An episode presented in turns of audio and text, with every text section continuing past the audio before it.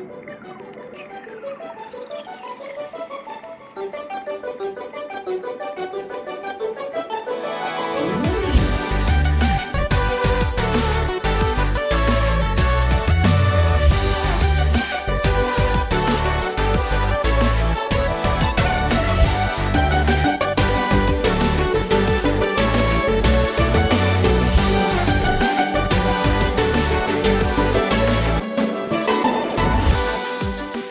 Og velkommen tilbake til Sidequest. I dag er det en ny episode av 40 store spillselskap-serien. Og det er noe med det, altså. Jeg, ja, selv om Sidequest er gøy når det bare er sånn Vi humper inn i studio og prater litt om ting vi liker, så er det noe spesielt når man har på en måte forberedt litt og skrevet seg gjennom noen, eh, noen forberedelser, en historie, et slags manus. Da blir det som regel alltid skikkelig bra.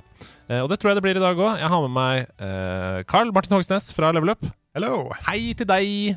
Eh, er det catchphrasen din? Hello! Er det catchphrasen din? Nei, det har ikke vært det. Nei? Kanskje jeg bare sier det mye.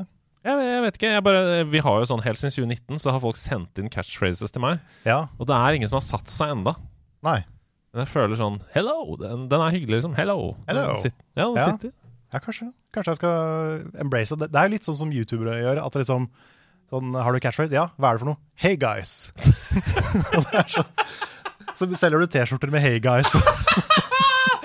Ok, jeg vil ha fjeset ditt og Hello! Uti. Det sånn, ok, nå har, du, nå har du et brand. Hello, det er min. Da blir du sikkert saksøkt av Hello Kitty eller et eller annet sånt. Ja, det kan Jeg man- det orker ikke det. Anyways, vi skal snakke om et spillselskap. Vi skal snakke om Game Freak. Og det har vært veldig mye Pokémon i Sidequest i det siste. Det er ikke meg! Jeg lover! Det Nei, er, det er ikke, ikke, det er ikke, du, det er ikke din skyld. det er ikke meg. Det eneste jeg gjør, det er å spørre gjestene hva de vil prate om. Ehm, så Og så, er og så skyver du en litt sånn Pokédex under, eh, under døra. Eh, Ja, du vil snakke om uh, spillkarakteren Heis. Eh, en Pokémon som du kan Det er litt Pokémon. der, er. Heisen.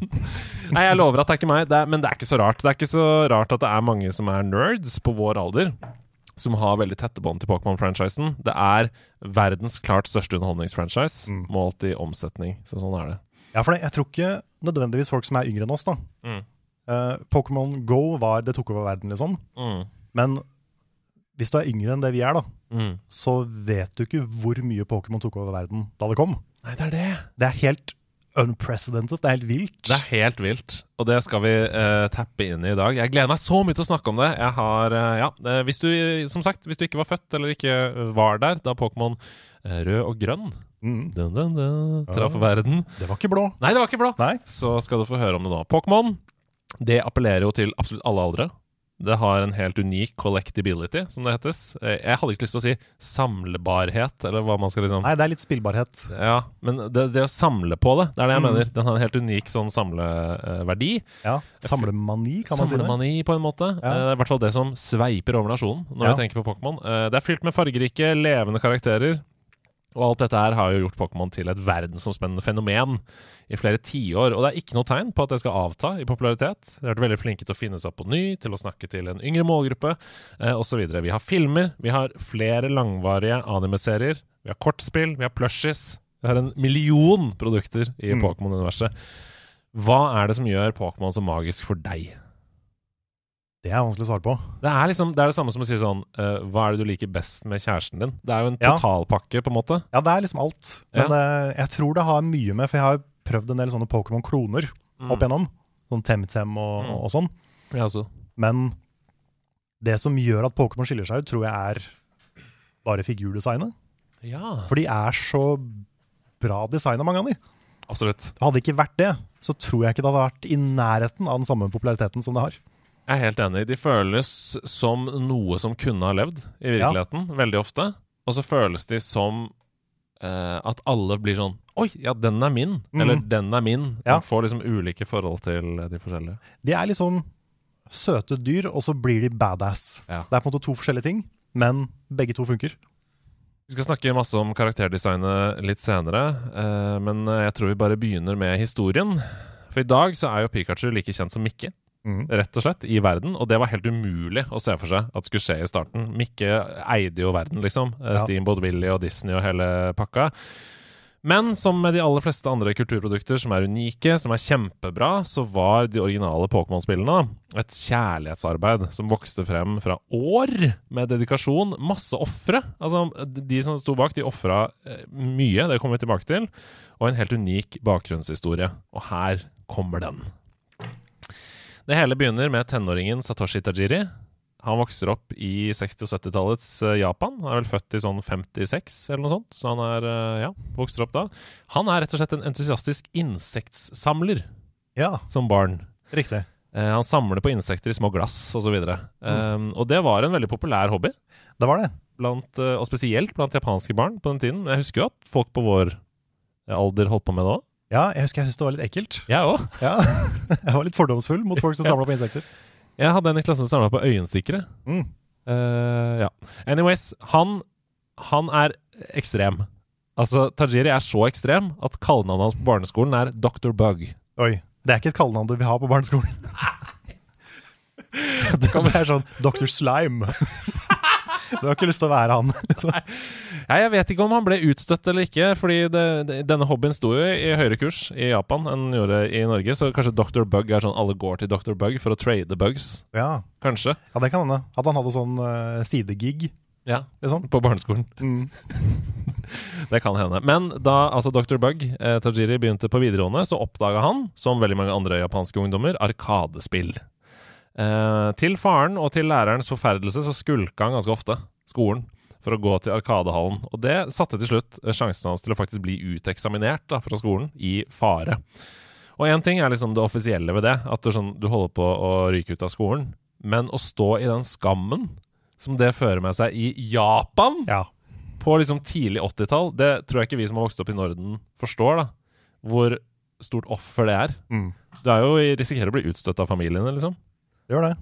Bare fordi du er Skal glad i arkadespill. Ja, du skal, ikke, du skal ikke drite deg ut eller dette av lasset i Japan. Å sette lek foran jobb, liksom, og Mm. studier. Åh, shit! Det er spanskrør på fingeren. Ja, nei, det, det går ikke bra. Men uansett, han klarte å stå da, på hengende håret, Mm. øh, denne utdannelsen, men lot seg fortsatt ikke styre av foreldrene og andre voksenpersoner i livet, som i et intervju så har han sagt at de tryglet han om å få seg en respektabel jobb etter Mm. utdannelsen. Satoshi Tajiri, han elska spill. Og han elska spill mye mer enn noen andre. Alle andre forholdt seg til han som sånn OK, vi, han, er, han er ekstrem, liksom. Nok en gang Dr. Bug. Nå er, det, Ja. nå er det spill det handler om. Han er ekstrem. Han var fullstendig oppslukt av det. Magien i hele kulturuttrykket. Og han hadde et behov, litt sånn som jeg opplever at vi også har, Mm. for å snakke med andre om det. Ja, Du har lyst til å snakke med folk om Final Fantasy, liksom. ja. ja. Du har lyst til å snakke med spillkarakterer. Heis. Hva er Lauren bak? ja den var, jeg vil vite mer. Jeg vil, ja, Ja, Diskutere ting. ja. Sånn var det med Tajiri. I så stor grad at han istedenfor å uh, få seg en ordentlig jobb, så starta han et spillmagasin. Mm. Og det het Gamefreak. Ja, riktig. Spillmagasinet Gamefreak. Um, og de utgavene av Gamefreak de ble skrevet, de ble fotokopiert og stifta sammen for hånd av Tajiri. Han satt der hjemme, lagde de første utgavene i 1983. Og solgte dem for 300 yen per stykk. Det er ca. 20 kroner da, i dag. Mm. Uh, det bestselgende utgaven av Gamefreak inneholdt en komplett guide for arkadespillet Syvius. Syvius. Syvius, Exivius. Ah. Um, Jeg har aldri spilt. nei, ikke jeg heller. Sikkert veldig sånn lokalt i Japan. Ja. Skrevet av Tajiri, den guiden. Det, den utgaven solgte 10 000 eksemplarer. Oi. Da Tajiri var 18 år. Ah. Så det var jo eh, plutselig en ordentlig jobb. Ja, ja for da, da skal du jo kunne skrive litt og sånn også. Ja, definitivt. Eh, så alt han hadde lært, det var jo ja, åpenbart et Den glødende entusiasmen og engasjementet for spillkulturen kom ut i form av at man greide å formidle det òg, på en måte. Mm. En av Gamefreaks sine trofaste lesere på denne tiden har et navn som får alle Pokémon-fans til å fryse på armene. Uh, han oppdager altså Gamefreak-magasinet i en mangabutikk. Leser seg fra perm til perm, kjøper fler etter hvert som de kommer ut, blir mer og mer forelska i magasinet, og tar selv kontakt med Satoshi Tajiri og tilbyr sine tjenester som illustratør for magasinet. Mm. Han har lyst til å tegne for, for bladet, liksom. Vet du hvem jeg snakker om?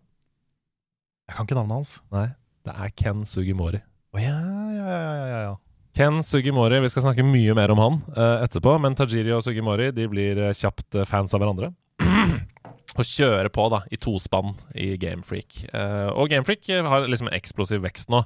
Uh, flere ansettelser, uh, går veldig bra, tjener masse penger på bladet sitt. Og når du oppnår en sånn vekst, så er det jo eh, helt elementært eh, å klare å slippe det du selv har holdt i hele veien. Og det eh, er jeg dårlig på. Mm. Eh, men det er det lureste du kan gjøre, da, hvis du skal tenke deg en sånn bedriftsmessig. Mm. Hvis noen andre kan ta over det du gjorde, men bevare sjelen, altså Ja. fortsette å skrive Gamefreak, liksom, da får jo du masse mer tid til å gjøre andre ting. Ikke sant? Så I stedet for å skrive om og snakke om spill, så er det nå et ønske om å lage egne spill. Uh, og det, jeg føler sånn Det er jo flere som har hatt det sånn. Game Grumps. Ja, ja.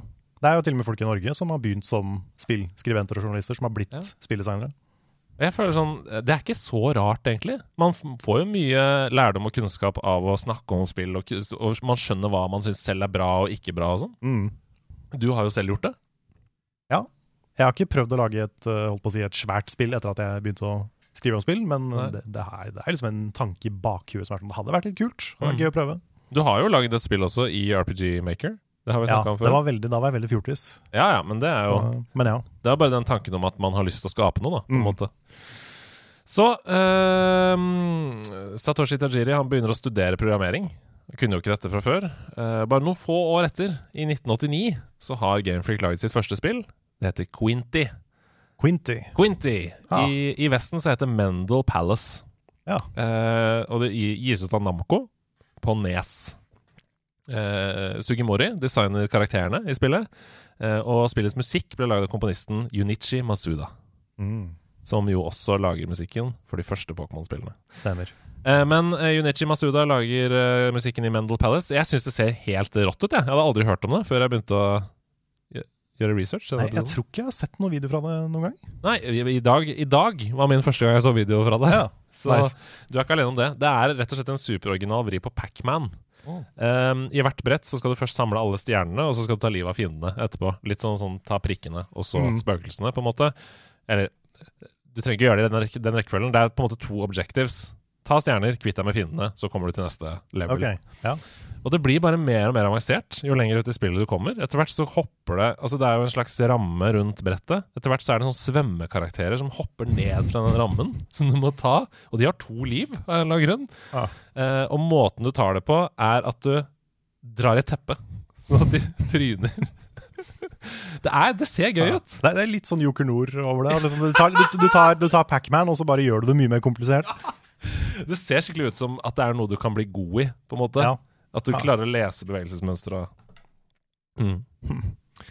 Så jeg anbefaler veldig å se en YouTube-video av det. Uh, Mendel Palace, hvis du allerede har glemt det. Eller Quinty, da, på japansk. Ja. Um, samme år som Quinty blir utgitt, i 1989, så lanserer Nintendo sin revolusjonerende håndholdte uh, videospillkonsoll, Gameboy. Med muligheten for å koble sammen Gameboys med Link Cable Ja. for flerspiller. Uh, jeg, jeg tror ikke jeg hadde noe forhold til Link Cable før Gameboy Color. det. Nei, i hvert fall ikke før Pokémon. Jeg hadde ikke hørt om Link Cable før Pokémon. nei. Og så ble det liksom en wow, en svær greie av Pokémon. Mm. Eh, Tajiri ønsket å utvikle et spill som var inspirert av hans dager med å samle insekter som barn. Og Gameboy med link-kabelen var den utløsende biten i det puslespillet som ga han milliardideen. Og dette her er milliardideen i én setning. Dette er sånn heispitch man ofte Mhm. hører. Hva om link-kabel kan brukes til å overføre data mellom ulike cartridges, altså spillkassetter, sånn at spillere kan samle på noe og bytte mellom samlingene deres? Det var ideen. Det er en god idé, da. Ja, det er en kjempegod idé, og det var lenge før Pokémon eksisterte, liksom, i Mm. hodet hans. Men bare det å Hvis jeg kan ha noe på min Gameboy, og så har du noe som du syns er kult, og så har vi, kan vi bytte det mellom Ja. oss Det er kult at det begynte der, for det har jo på en måte vært en del av Pokémon hele veien. mm.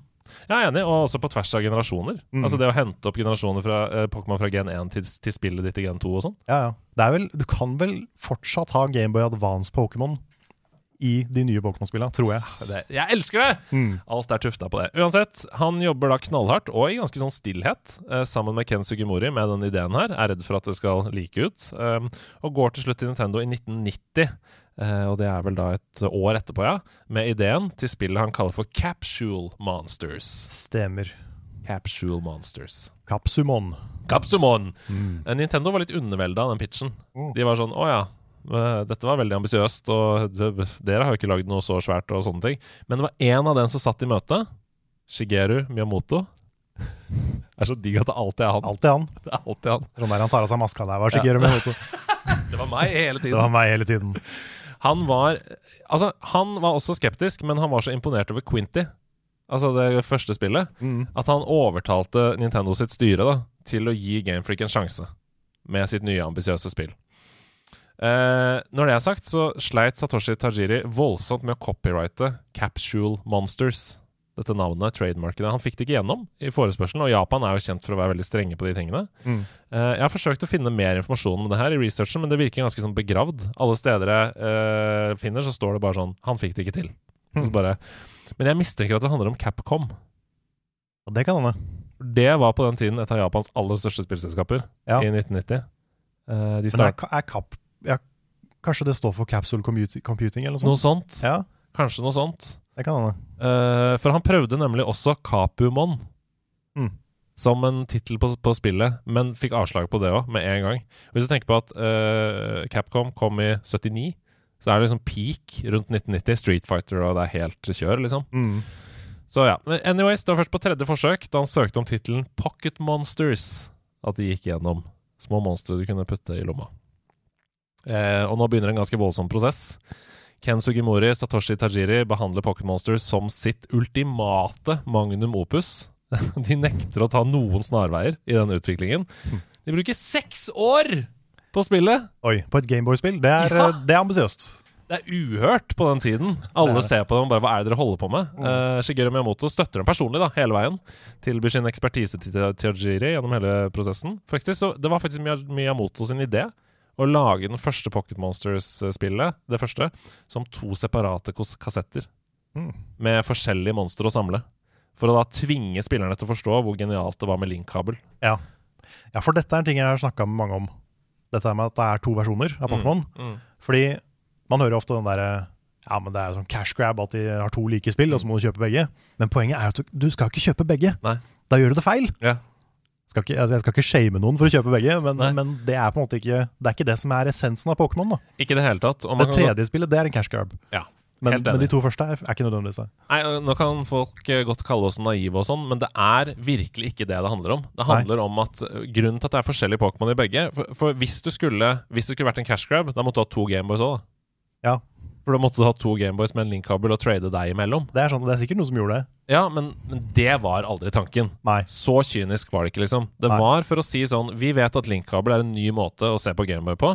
Vi må gi dere en gameplay-mulighet som gjør at dere skjønner hvor gøy det er, liksom. Mm. Ja. Det var det det handla om.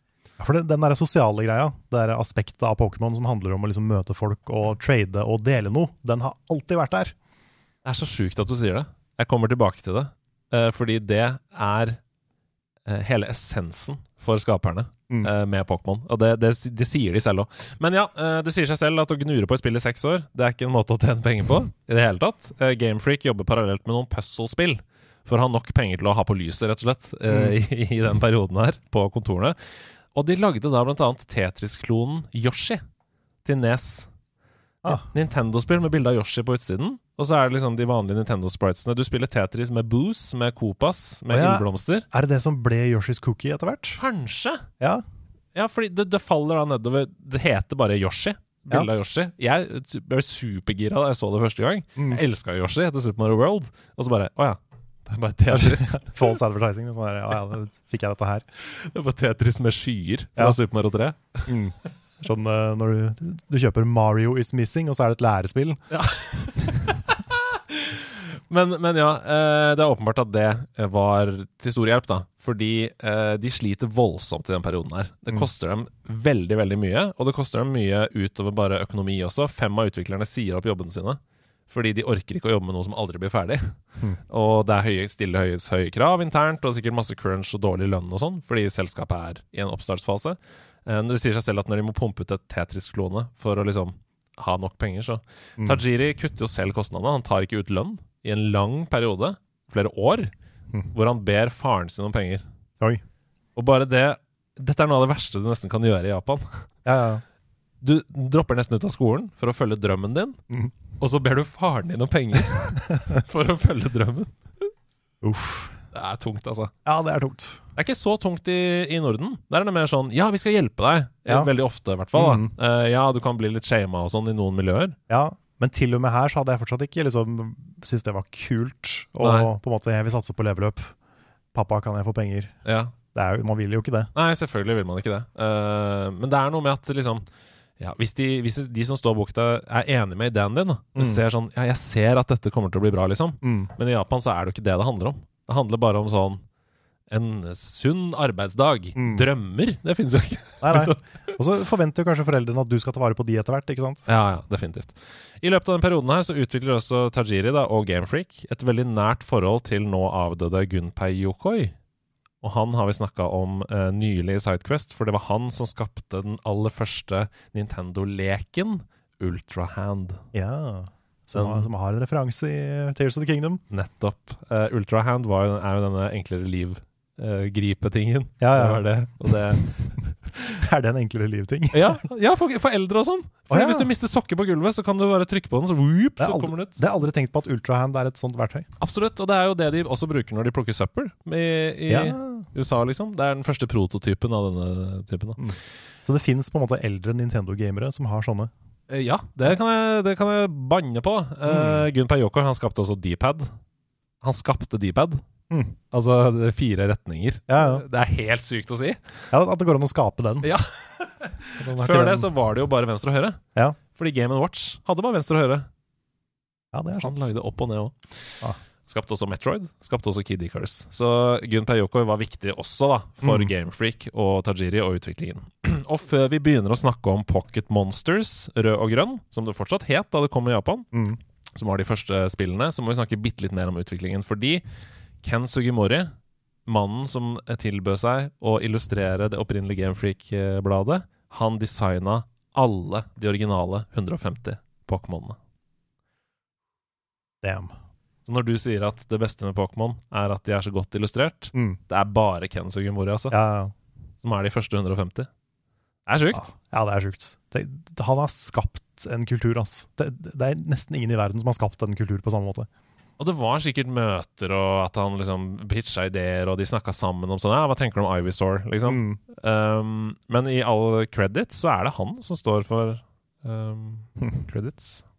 På de uh, første baseset Pokémon-kortene så er det jo flere designere. Men uh, Ken Sugimori har Onyx. Han har uh, Ivysaur, som jeg nevnte Mm. i stad. Han har Machamp, den første Machampen på Pokémon-kortene. Ja. Så han har liksom satt sitt preg på veldig mange deler da, av eh, franchisen. Jeg nevnte også i stad Junichi Masuda kommer tilbake. Og øh, han fikk jo mye skryt for soundtracket i det gale Pacman-spillet. Eh, Ja. Og komponerer også det som skulle bli lydsporet til en hel generasjon med gamere. ja.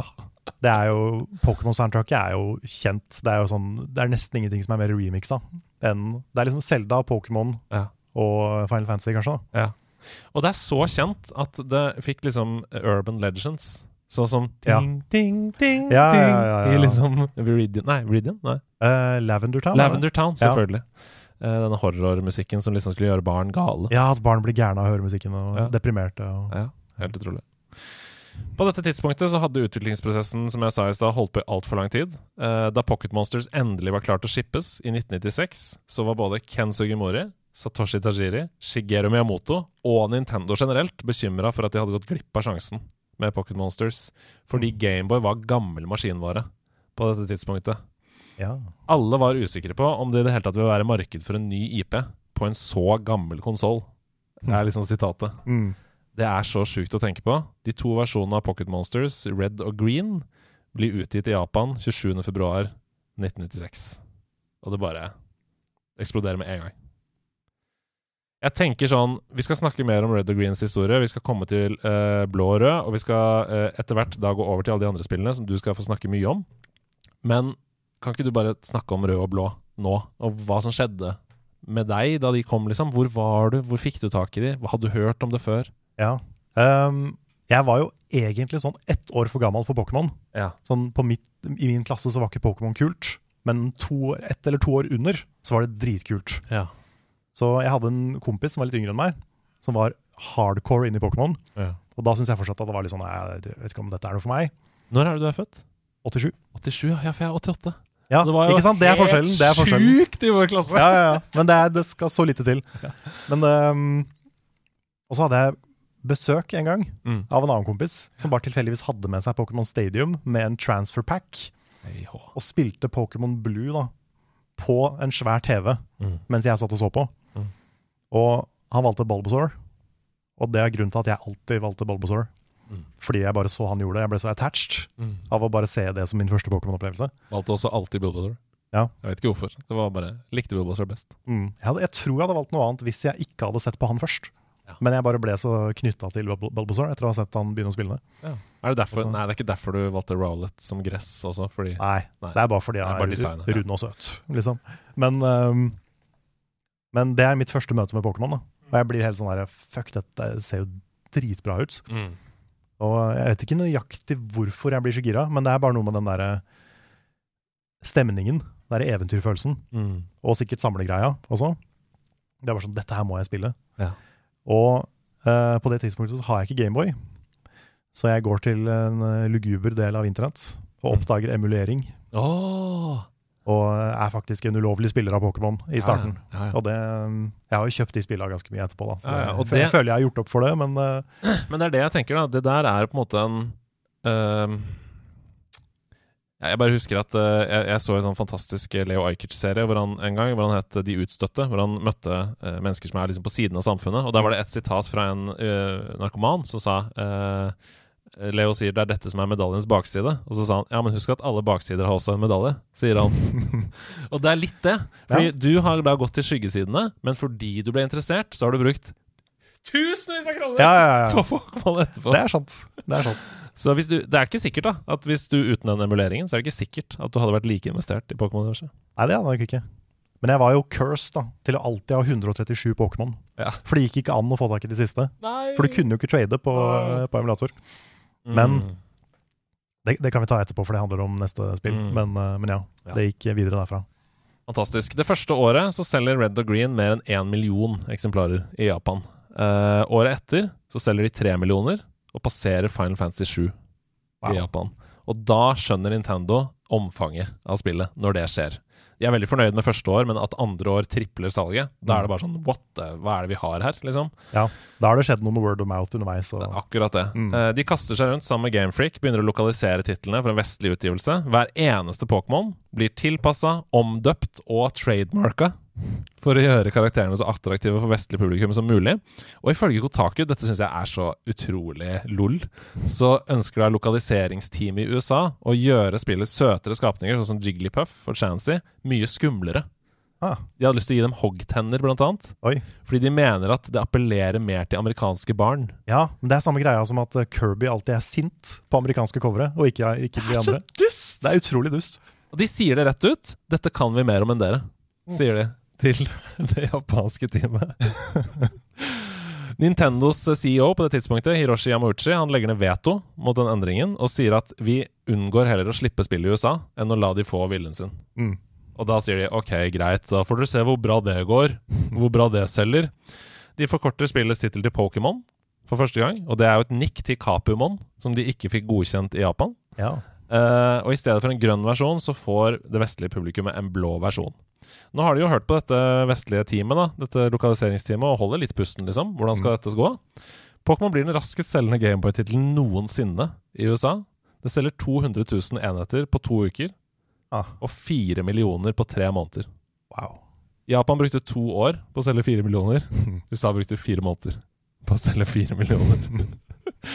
ja ja, lokaliseringsteam! Ja, ja, det er ikke alltid de vet hva de snakker om. Nei da. Men de har jo det er jo åpenbart, de har jo en jobb. Uh, vi hører aldri om suksessene, på en måte. Nei, Vi hører er altså- alle om bare, å, de dumme amerikanerne som ja, ja, som bare kjørte gjennom det her og Ja, så det er jo åpenbart at de kan det de driver med, liksom. Men her bomma de. Mm.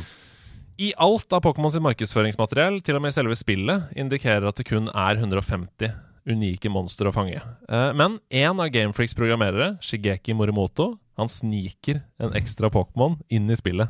Rett før lansering. det er, Eh, det er kult. Det er veldig kult. Den eneste Pokémonen i generasjon 1 som ikke er designet av Ken Sugimori, Ok? Mew Mm. skulle egentlig bare hentydes til i spillets historie, som en utdødd Pokémon som han har tatt DNA fra til å lage Mewtwo, sant? Men Morimoto legger til Mew i spillet i aller siste øyeblikk, og hadde kun til hensikt at det skulle være et easter egg, en spesiell Pokémon som kun Gamefreak-ansatte skulle vite hvordan Ja. de skulle låse opp internt, liksom. Ja. Sånn at man, hvis du kjenner noen Å, fetteren min uh, kjenner noen som jobber i Gamefreak. Ja, ja, ja. Han har en ekstra Men det, det var så mange sånne urban legends om Mew. Ja. Den der klassiske under lastebilen. Ja, ja, ja. Hvis du kommer deg på havna, der hvor den båten går fra, Ja. på ett spesifikt punkt i spillet, så kan du flytte en lastebil. Og det var bare bullshit. Og Men, der eh, er det- Mew, liksom. Ja. Men det fins jo, du kan jo på en måte manipulere spillet for å finne Mew, da. Det er akkurat det. Nintendo selv var ikke engang klar over Mews eksistens Ja. da spillet ble shippa. Det var bare Gamefreak som visste om det. Men Satoshi Tajiri han mente, akkurat som du sa til i stad, Mm. ansikt-til-ansikt-interaksjon, fysiske møteplasser, det er det aller viktigste for Pokémon. Mm. Det har vært kjernen i eh, spillutviklingen hele tiden. Kom fra hans Dr. Bug i Ja. barndommen. Å møte andre mennesker og utveksle erfaringer og, og bytte og sånn, det er det viktigste for Pokémon. Og Derfor så foreslo han at Mew kunne låses opp av spillere som tok med seg cartridgene sine til spesielle fysiske events. Stemmer. Og Etter hvert så utvikla det seg til at du kunne sende spillet inn i posten, og så fikk du det tilbake igjen med Mew lagt inn i saven. Ha. Um, det, det visste jeg ikke at du kunne gjøre. Nei, det, du kunne det. Uh, på en, en sånn periode uh, der. Men, eh, men det var det det var som var meningen. At um, da, da de liksom Ja, OK, det er en Pokémon til, men bare ved liksom disse og disse eventsene. Møte opp der, så skal vi fikse det for deg, liksom. Mm. OK, herfra og ut så skal vi bare snakke om de ulike Pokémon-spillene som har kommet. Jeg sitter jo med en her som har helt unik førstehåndskunnskap. Jeg vet ikke om du har spilt alle hovedspillene? Jeg tror jeg har spilt alle hovedspillene. Ah, Perfekt. Dette her blir en veldig gøyal øvelse. Jeg var med på et radioprogram på Radiometro, sånn spillprogram. Kanskje du Mm. også har vært med? Eller Rune har i hvert fall vært med. Jeg har vært med på Radiometro i hvert fall én gang. Og da hadde vi en sånn lek hvor programlederen sa en konsoll, og så sa jeg det første spillet jeg kom på til den konsollen. Uh, fordi det må jo på en eller annen måte være et viktig spill for meg, når Mm. det er det første jeg kommer på. Uh, når du har snakka så mye om spill som vi har, så er det liksom um, en slags lakmustest, da. Mm. Har du lyst til å prøve det med Pokémon òg? Ok, At, at når, jeg, når jeg nevner et nytt spill, så sier du den første Pokémon du kommer på, Den første Pokémonen. Knytta okay. til det spillet. ok, ok. Og det trenger ikke være sånn Oi, shit, det må være det beste og mest originale svaret. Jeg sa Sonic Spinball da de spurte meg om Sega. Oi, det er spesifikt. Så Ikke Sonic 2, liksom, men Sonic Spinball. Sonic Spinball. Og det er bare sånn Wow, hvor kom det fra? Ja, Kjelleren til Eirik. Så jeg bare jeg kom på det. Ja, å shit, da må jeg huske forskjellige generaler. Ja, jeg får prøve. Ja, vi, vi var jo på Pokémon rød og blå i stad, så vi trenger ikke snakke så mye mer om det. Men er det Bulbasaur? Det er nok Bulbasaur i Ja. første generasjon. Yellow, da? Pikachu. Ja, selvfølgelig. Ja. Går bak deg. Ja, nei, men hele tida. Det er jo det samme spillet, bare at Pikachu går bak deg. Ja. Og det, jeg husker det Det mytologiserte Gold og Silver for meg. Det at de spilte, det var jo fire versjoner Ja. av den første generasjonen, liksom. Mm. Og jeg spilte jo Red og Blue. Mm. Jeg fant Pokémon Green på japansk og spilte det. Vi har det her på Gameboy. Ah, nice. jeg tror faktisk, nå skal jeg se om jeg finner det. Og i tillegg spilte jeg Pokémon Yellow, så jeg hadde jo spilt på en måte Pokémon fire ganger. Og der er det, vet du. Fy fader. It's real. It's real! Det fins. Og med batteri i cartridgen fortsatt. Det er Ah, nice. du, du kan spille det, faktisk. Wow. Ja. Men det liksom da det skulle komme en ny generasjon med Pokémon, Ja. et faktisk nytt spill, det var sånn mind-blowing for meg. At det skal komme et, et nytt med nye Pokémon. Det fins jo bare 151 Pokémon, Ja, ja. så det var en sånn kjempeovergang. Ok, 1999, året etter Pokémon Yellow. Gold og Silver. Hva er det første Pokémon du kom på?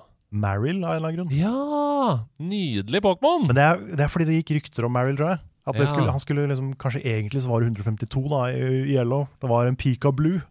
Å ja! Wow! Vet du hva, jeg trodde det var Togepi. For For ja. jeg så på anime-serien. ja, men den også var tisa på forhånd. Ja, Så jeg tenkte sånn Togepi. Det var egentlig den som skulle Ja. være i 152. Mm. Nei, jeg tror Marill var en av de første det gikk sånne rykter om. Pika Blue, ja. Som het, ble kalt for Pika Blue. Så i Gold og Silver som enhet, da, så er det, så er det Meryl du kommer på. Ja, det er det første jeg kom på. Veldig bra spill. Veldig. Det er nok uh, remaken av de. Det er nok min favoritt. Uh, Samme her. mm. Heart Gold og Soul Silver er de beste Pokémon-spillene, syns jeg. Ja, det er peak Pokémon for meg. Ja, det må være det. Mm. Uh, men ja, Gold og Silver Mye bedre spill enn rød og blå. Ja, ja. Og det, jeg husker fortsatt den derre twisten etter du hadde tatt Elite Four, Ja. og så fikk du tilgang til hele verden fra det første. Det er det, noe av det kuleste jeg har opplevd i et spill noen gang. Ja, det er for meg sånn som Red Dead når du uh, er i Mexico, plutselig, liksom. Mm. Jeg bare What? What? What? What? Det er, sånn, er dette her en ting, liksom? Og så har de aldri gjort det igjen. Mm. Det var bare der at de gjorde det. Og det var så bra. Men, men den første, bare for å ta en liten digresjon om Ja, ja. Gold og Silver um, Første møtet mitt med de spilla, fordi jeg var så gira på å spille de, det var igjen en emuleringsting. da. Mm. For jeg fant fanoversettelser Ja. av Gold og Silver ja. som jeg testa. Og problemet med de var at det var fortsatt den japanske koden det var basert på. Så det var ikke plass til mer enn fem bokstaver oh, i navnet til hver Pokémon. Oh. Så jeg, kompisen min og jeg setter oss ned for å spille det, da. Ja. og så møter vi på Ratata. Ja. Men det står bare Ratta. Ratta. Rata. Og jeg bare Å, shit, det er en ny Pokémon! Og kompisen min sitter der og sier Det er ganske dårlig ny Pokémon. Og så sier nei, nei, nei, det er babyversjonen av Rattata eller noe sånt. ikke sant? Og så er vi fram og tilbake, og jeg er sikker på at det er en helt ny Pokémon. Ja. Mens uh, alle er mer sånn her Ja, skal de bare liksom bruke de samme og gi de nye navn? Pichu, liksom. Ja, Pichu. Uh, så jeg, jeg tenkte liksom dette er baby-Pokémon. Ja. Uh, og så skjønner jeg etter hvert altså, Jeg tror ikke Pidge er en ny Pokémon, liksom. så jeg innser etter hvert at, jeg, at dette er feil. Men Så- da er det vanskelig å ta på ansikt. Ja, Vanskelig å innrømme det. Det var litt vanskelig å innrømme det. Men jeg skjønte etter hvert at her var det noe, noe rart. At jeg Ja. kanskje ikke spilte en legit versjon av Gold og Silver. Nei, det er, men det er veldig morsomt. Uh, ja. Vi går videre, hvis det er greit. Ja, ja. Da er vi på uh, 2000. Første spillet du kan spille som jente, Ja, Pokémon Crystal. stemmer. Tredje versjon av Gold og Silver. Første Pokémon du kom på? Det må bli Sukun pga. Uh, Suiken. maskot-greia. Ja, det er jo som sagt bare Det er som Yellow, liksom. Uh, en ny versjon av Gold og Silver. Mm. Så vi hopper videre. Ja. 2002. Ruby Sapphire. Mudkip. Til Ja, Mudkip, ja! Nydelig. Til Gameboy Advance. Mm. Var, var det derfor du fikk Gameboy Advance? På grunn av Ruby og Sapphire? Jeg tror jeg kjøpte Gameboy Advance for Mario Kart Mm. av en eller annen grunn. Mm. Ikke at jeg har spilt det spesielt mye, men jeg men, Det gir mening, det. Eh, har ikke lyst til å ha FOMO på den Mario Kart-bagen. Spesielt ikke etter 64, som er jo Altså, alle hadde alle spilte Hvor Ja, ja. mye spilte vi ikke Mario Kart 64, liksom? sant? Det og Golden Eye. Ja, herlighet. Men um, Nei, det tok, det tok litt tid før jeg kjøpte meg generasjon 3, faktisk. Ja. Hvilket av de spilte du? Tror jeg spilte Ruby. Ja. Nei, nei Sapphire spilte jeg. Du spilte Sapphire. ja. Jeg husker Kyogre på coveret. Ja, nydelig cover. Mm. Uh, men Mudkip, ja. Det er gøy at den dukker opp. Uh, har, du no, har du noen minner fra Sapphire? Hva syns du om det spillet, liksom? Har du spilt igjen i voksen alder, eller? Jeg spilte jo, uh, spilte jo Alpha Sapphire Mm. da det kom. Ja. Um, men jeg husker at det var liksom Da var jeg sikkert uh, 16-17 nærma meg. Mm. Um, og da var jeg på en måte på den delen av livet hvor jeg, hvor jeg var minst interessert i Pokémon. Mm. Litt sånn som den korte perioden jeg følte meg for kul for å se på Disney-filmer på kino. Ja, ja. 100 Eh, Alle har vært der, liksom. Ja, den var veldig kort for meg. da Det var, sånn, det var noen få år, og så bare nei, fuck it. Disse tingene er fortsatt gøy. Men sånn tiendeklasse til førstegym, Ja. generelt så spilte jeg lite. Mm. Og jeg dreiv lite med nerderi, liksom. Ja. Eh, det, jeg vet ikke. Det er bare Man er usikker og Mm. Prøver, å, prøver å finne en kulere versjon av seg sjøl, liksom. Ja, ja. Så prøver man litt for hardt, og så går man vekk fra alt man liker. Og så innser man at eh, man blir kul hvis man bare er trygg. Det Ja, da man det er noe kul. med det. Det er helt sant. Så, så generasjon 3 husker jeg var for meg da litt nedtur. Mm. Men jeg, også, jeg forventa også en sånn twist på slutten, Mm. sånn som var i Gold og Silver. Mm. Og når den ikke kom, Bare rulletekst, liksom. ja, så var det, da husker jeg jeg var skikkelig skuffa. Nei, det skjønner jeg godt. Men uh, det er jo folk som vokste opp med Eller som var unge da det her kom, Mm. og de elsker jo Ruby og Sapphire. Ja.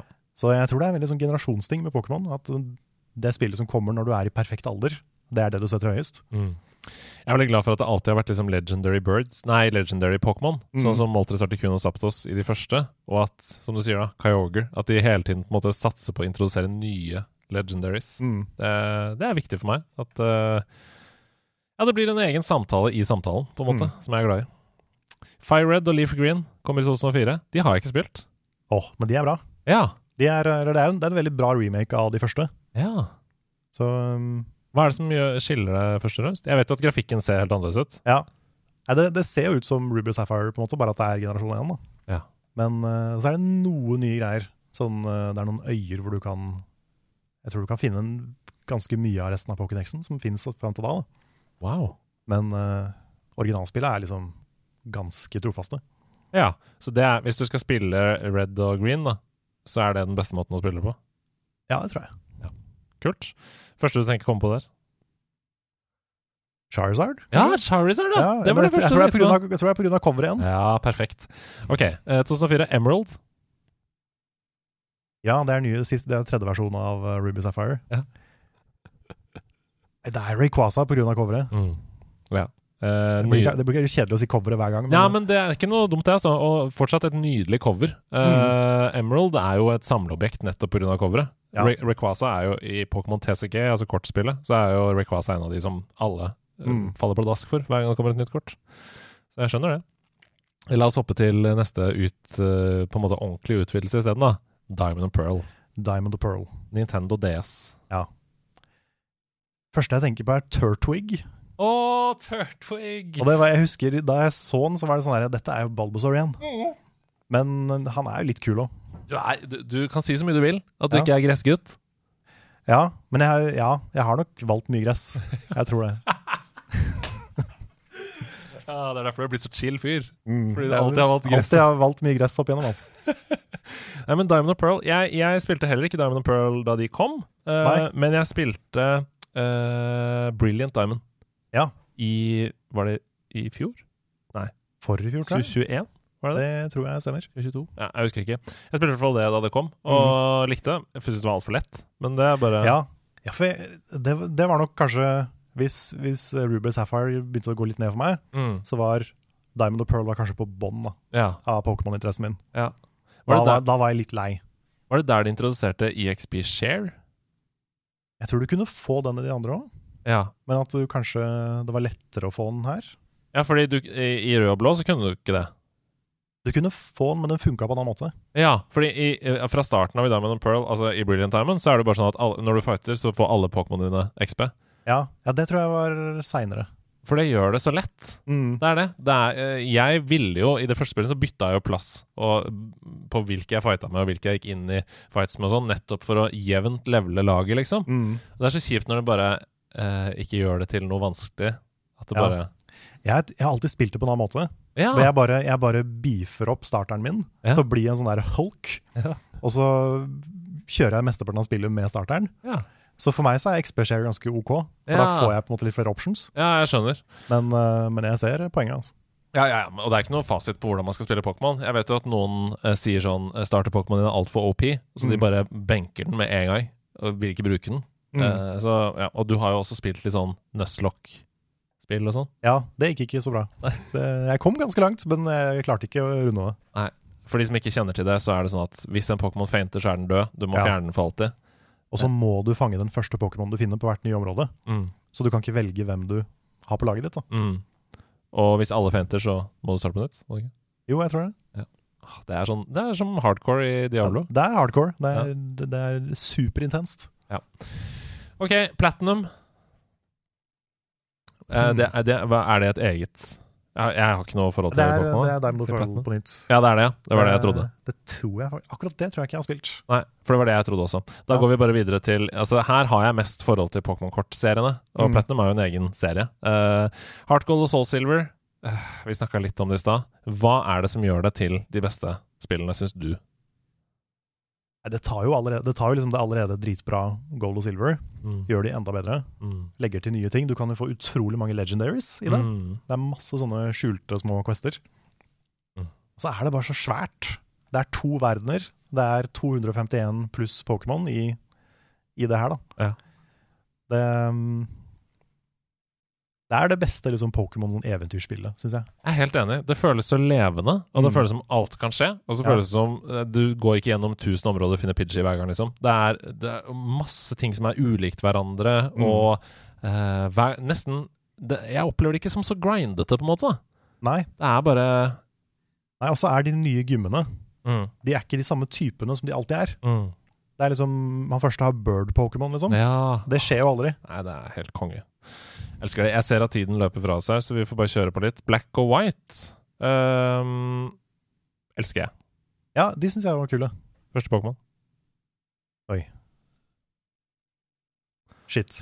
Nå sliter jeg med å komme på øh, hvem som er Black og White. Og det trenger Tr Trubbish. Trubbish, ja! Trubbish. Trubbish! Og det trenger ikke være spesifikt for de spillene heller. Det Nei. kan være at Da du spilte Black og White, så hadde du et spesielt forhold til Squirt. liksom Det kan jo være det. Det trenger ikke være uh, Ja, ok, det må ikke være den. Nei, nei, nei, det må ikke være den ok, ok, generasjonen. ok. Eh, for det er jo sånn Da quizer jeg deg bare. Det, det Ja. ikke, det er jo ikke det jeg prøver på. Jeg prøver sånn, sånn Å ja, Black and White, ja. ja da husker jeg Pidgeot. For det Ja. brukte jeg mye i det spillet. liksom Ja, ja, ja. um, Nei, men, men Trubbish.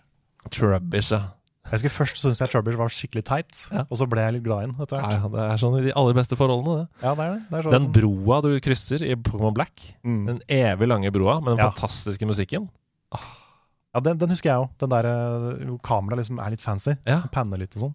Det står så ut for meg i det spillet. Mm. Uh, og det er kjempevanskelig spill. Og det elsker jeg.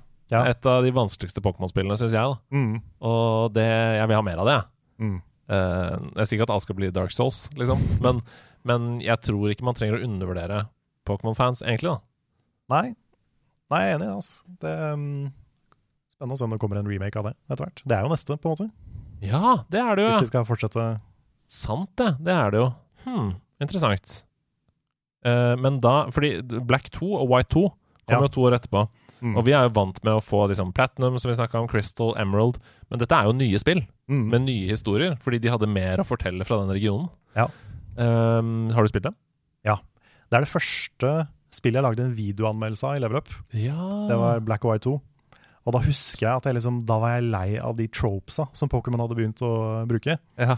Men at du alltid var en kid fra en liten by, og Mm. at du alltid skulle fange Du skulle alltid få de gummene som var samme type. Du skulle alltid sånn og sånn. Mm.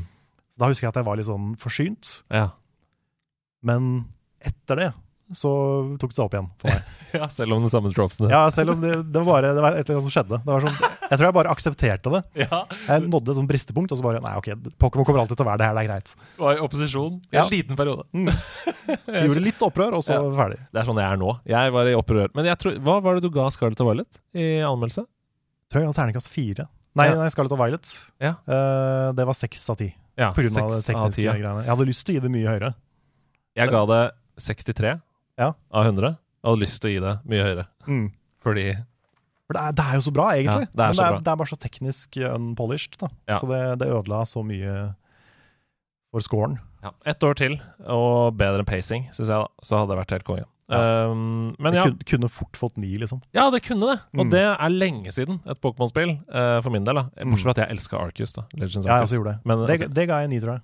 Ja, Åtte eller ni. hva var det jeg ga det? Jeg har lyst til å Jeg anmeldte det. Legends Arcus, uh, nederlandslaget skriver jeg her nå. Dette er sånn digg i Sidequest, så jeg slipper å klippe ut dette. Ja. Eh, jeg ga det 80 av 100.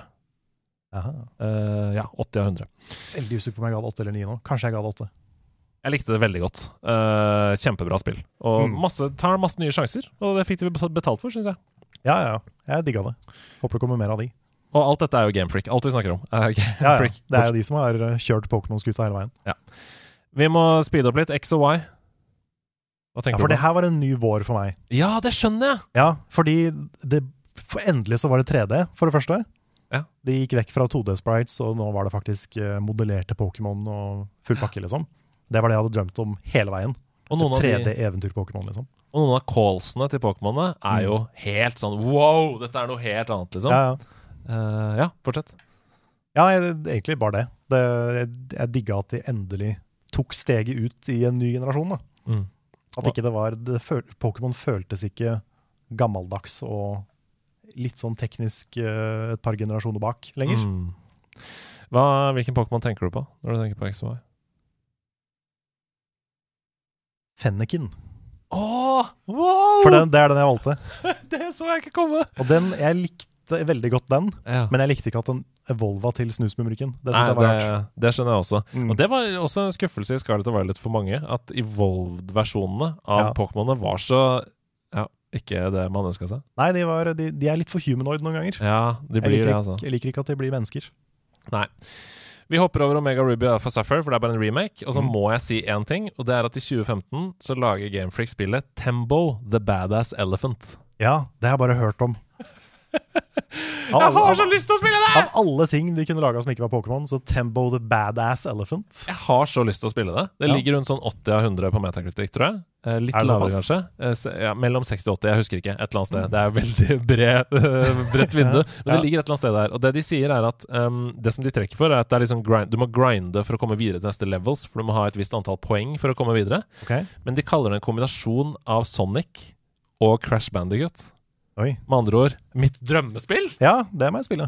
Tembo the Badass Elephant. Tembo the Badass Elephant. Til Sega, til Xbox One, PlayStation 4, PC. Ha. Så det er sikkert et på en eller annen bakoverkompatibilitet, kanskje på Xbox. Ja, det tipper jeg. 2016, Sun og Moon, Sun. Alola Regi Region. Ja, her begynte vi å eksperimentere litt. Mm. Her var det ikke gummi lenger og sånn. Mm. Det, var, det husker jeg var litt kult. Jeg var veldig hypa på de Ja. før de kom. Um, Rowlet, for, for så vidt. Mm. Første Pokémon jeg tenker på. Mm.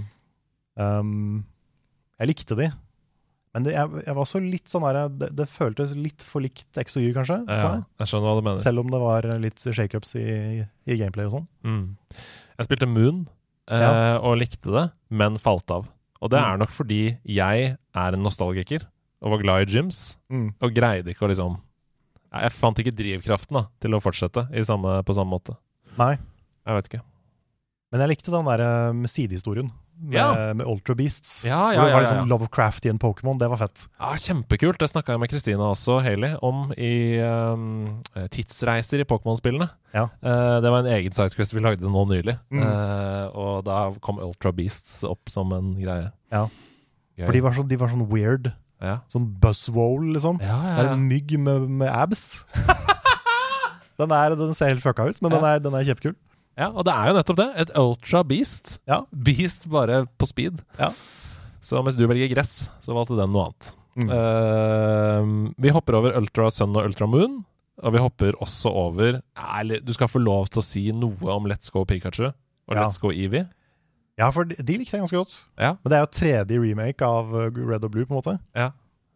Men uh, det eneste jeg ikke likte med de, det var den der, det fokuset på at du må hele tida fange flere av den samme Pokémonen. Mm. Og det har jeg aldri likt.